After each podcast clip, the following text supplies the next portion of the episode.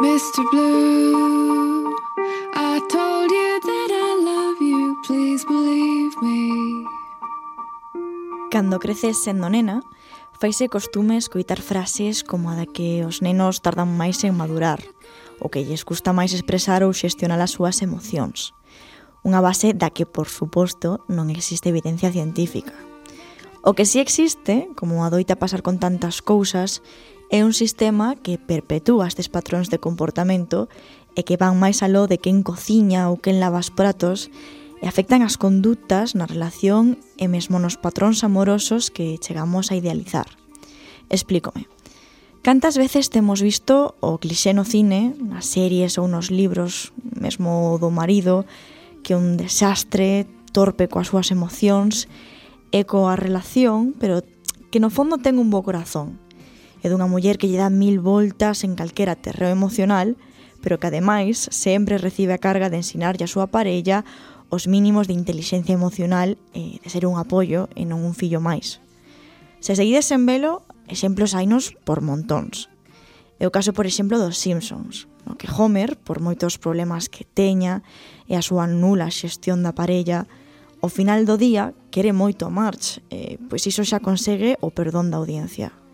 Outro exemplo, eh, perdoademe a todas as que romantizades a esta personaxe, é Phil en Modern Family, que non é un mal home, o sea, neso estamos de acordo, pero que pode permitirse facer a cantidade de parvadas que fai e eh, ter pouquísimo sentido común, esa é a personaxe divertida precisamente porque é Claire a que ten que ser sempre a mala, quen ofrea, quen coida dos nenos, quen lle berra, quen fai realmente de nai.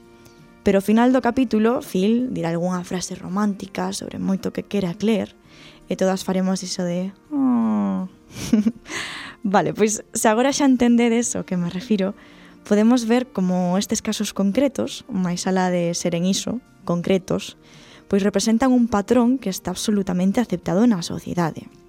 Dase por asumido que os tíos non saben xestionar as súas emocións, sobre todo entre eles, que son menos expelidos, aínda que isto sexa porque lle lo estamos permitindo. E así un longo número de exemplos que se nos inculca dende pequeniñas. E xa non son as series ou nas películas, senón tamén coas nosas familias.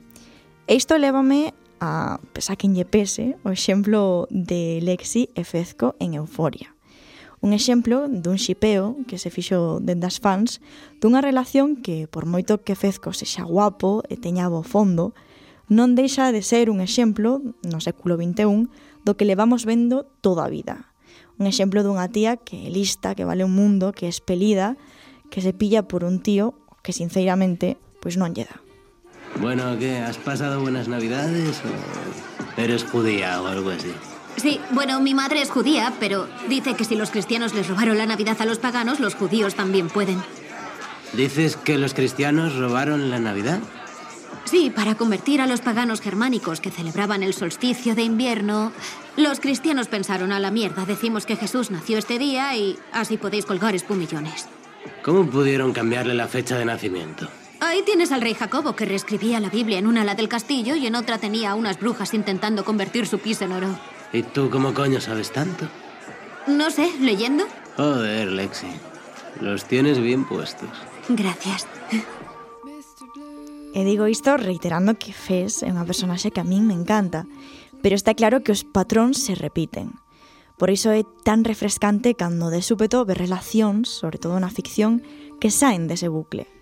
E pensando nisto, non puiden evitar recordar unha escena en concreto de Friends. Unha escena que no seu momento me impactara moito porque tiña todo o sentido do mundo e porque era tamén das primeiras veces que escoitara un diálogo así no cine. No cine é unha ficción, especialmente nunha serie dos 90. Falo de Mónica, que non ten ningún problema en aclararlle a Chandler que non é o seu papel aprenderlle a como ser persoa. Todo se arreglará, ¿verdad? Quiero decir que no me dejará. La cosa tiene solución. Oh, sí, claro, desde luego, por desde supuesto. luego. Depende de mí. Uy, la jefa. Gunther, ¿me pones un café? Para llevar. Mónica, oye, Sigo sin tener ganas de hablar contigo. Dime lo que tengo que hacer para arreglar las cosas. ¿Qué? Funciona así, ¿no? Yo meto la pata. Tú me dices cómo arreglarlo. Yo lo hago y después vuelves a pensar que soy muy mono. Estoy harta de ser tu profesora de relaciones sentimentales. Esto tendrás que solucionarlo tú solito, ¿vale? Mira, si tanto temes las relaciones, no las tengas. Pero menos mal que sempre hai un roto para un descosido. E sempre haberá personaxes como a Jim en The Office, o home que todas buscamos e que todas queremos. Unha personaxe que malia ter os seus fallos, os seus defectos como a todo o mundo, pois non deixa de traballar na súa relación, que asume responsabilidades e que amosa sempre o que sente por Pam, e que nos deixa esa escena tan bonita de Pam vendo o seu vídeo na oficina, que nos dá, ao final, pois un pouco de esperanza. This feels strange and untrue, and I won't waste a minute without you.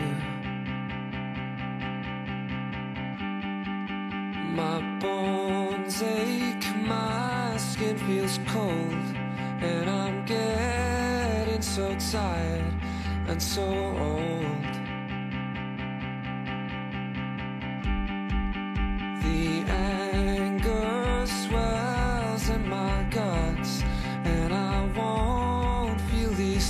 And cuts.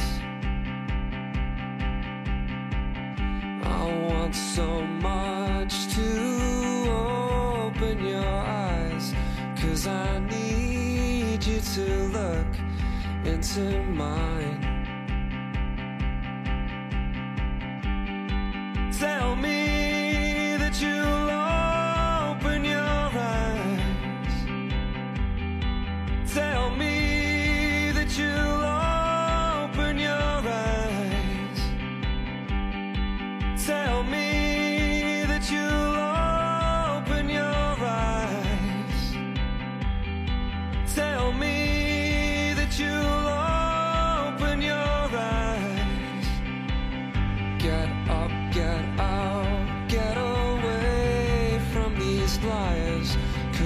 Don't get your soul or your fire.